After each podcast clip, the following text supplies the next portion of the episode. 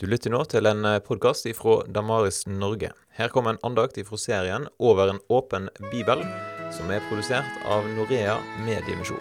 Det er Bjørn Hinderaker som deler noen tanker rundt temaet 'Skeptikerens guide til påsken'. Denne ukens serieandakter i Over en åpen bibel har vi kalt 'Skeptikerens guide til påsken'. Vi tar denne uken opp fem viktige spørsmål som går til kjernen av hva påsken dreier seg om. I dag stiller vi spørsmålet Jesu død, var den tragisk og meningsløs? Jeg vil gjerne begynne med eh, henvisning til hva Paulus sier i sitt første brev til korinterne, kapittel 15.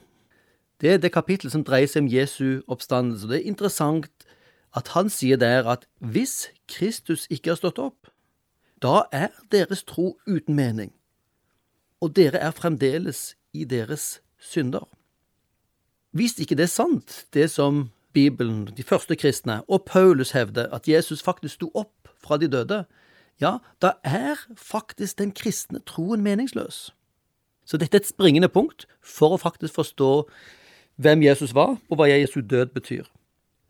Det kan være en nyttig ting å se Jesu død ut fra andre livssynsbriller.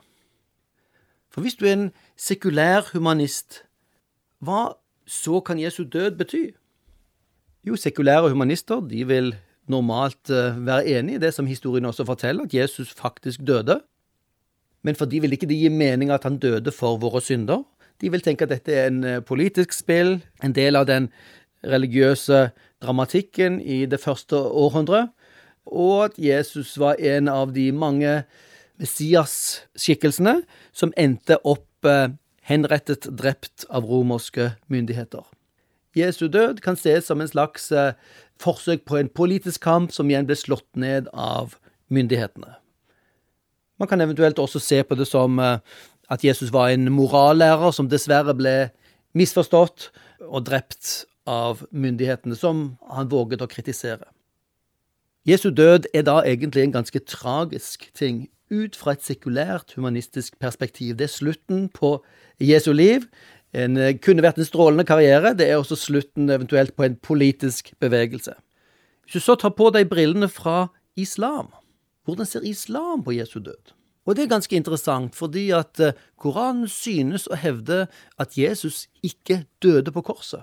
Mange muslimer tenker at han ble forvekslet med Simon fra Kyrene, og at Jesus kunne da gjemme seg i folkemengden og egentlig aldri døde. Dette synes å henge sammen også med teologien deres, at um, med en allmektig Gud så vil ikke Gud la hans beste profet ende en så skammelig død. Med andre ord, Jesus døde ikke, i hvert fall ikke slik det fortelles i evangeliene. Og det er ifølge Koranen og slik mange muslimer forstår dette. Hvis vi derimot tar på oss uh, de kristne brillene, de bibelske brillene, og prøve å forstå Jesus fra den fortellingen som han selv kommer ut fra, så Jesus død verken noe som, som han sneik seg unna, eller noe som er meningsløst, eller som er en uh, politisk eller religiøs tragedie. Vi ser flere tekster i Nytestamentet om hvor meningsfull Jesu død faktisk er. Og vi har jo hørt fra Jesus selv at han sier at han kom ikke for å bli tjent, men for selv å tjene og gi sitt liv som løsepenge for mange.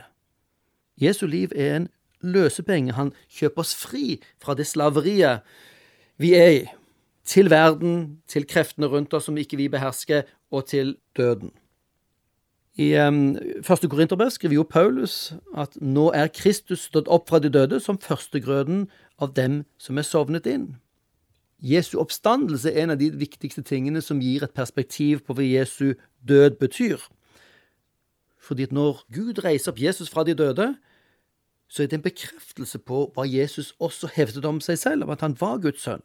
Dette var ikke Guds bespottelse, men det var sanne ord. Og oppstandelsen er da en bekreftelse på Jesu påstander om seg selv. Og Da finner vi noen interessante vers i Nytestamentet om hva Jesu død faktisk betyr. Og da kan vi høre hva Paulus sier om dette i første Korinterbrev, blant annet. Først og fremst overga jeg til dere hva jeg selv har tatt imot, at Kristus døde for våre synder etter Skriftene. at han ble begravet, han sto opp igjen den tredje dagen, etter skriftene, osv. Jesu død dreier seg altså om en handling for menneskers frelse. Ikke meningsløst eller tragisk, men det er faktisk en villet handling som Jesus selv sto bak. I Paulus brev til Romerne kapittel 3 så beskrives Jesu død slik at Jesus, altså ham har Gud stilt synlig fram for at han ved sitt blod skulle være soningsstedet for dem som tror. Der knytter Paulus Jesu død til de bildene av offertjeneste som de hadde i den jødiske religionen i Det gamle testamentet. Jesus var det offeret for menneskets synder og ondskap som kunne dekkes over, som kunne betale den skylden som lå der. Og det er interessant at for å gi denne meningen til Jesu død, så ligger det en forutsetning både at vi tror på en virkelig Gud, på virkelig skyld og virkelig historie, som tenkeren Francis Schaefer formulerte dette her. Uten at det finnes en Gud, uten at det er noe virkelig skyld som trenger å betales, uten at Jesus faktisk døde virkelig i historien, så gir ikke den kristne troen mening. Altså er den forståelsen av Jesu død helt sentral del av kristen tro. Vi kan se den som tragisk, eller merkelig, eller uheldig, eller meningsløs. Men ut fra den kristne troen selv, så er Jesu død faktisk nøkkelen til å forstå oss selv og hele universet. Og det er en ganske utrolig handling fra Guds side å la en som eh, er en korsfestet kriminell, bli sentrum i hele vår historie, og at det er Han som skal tilbes som Herre og æres. La oss be.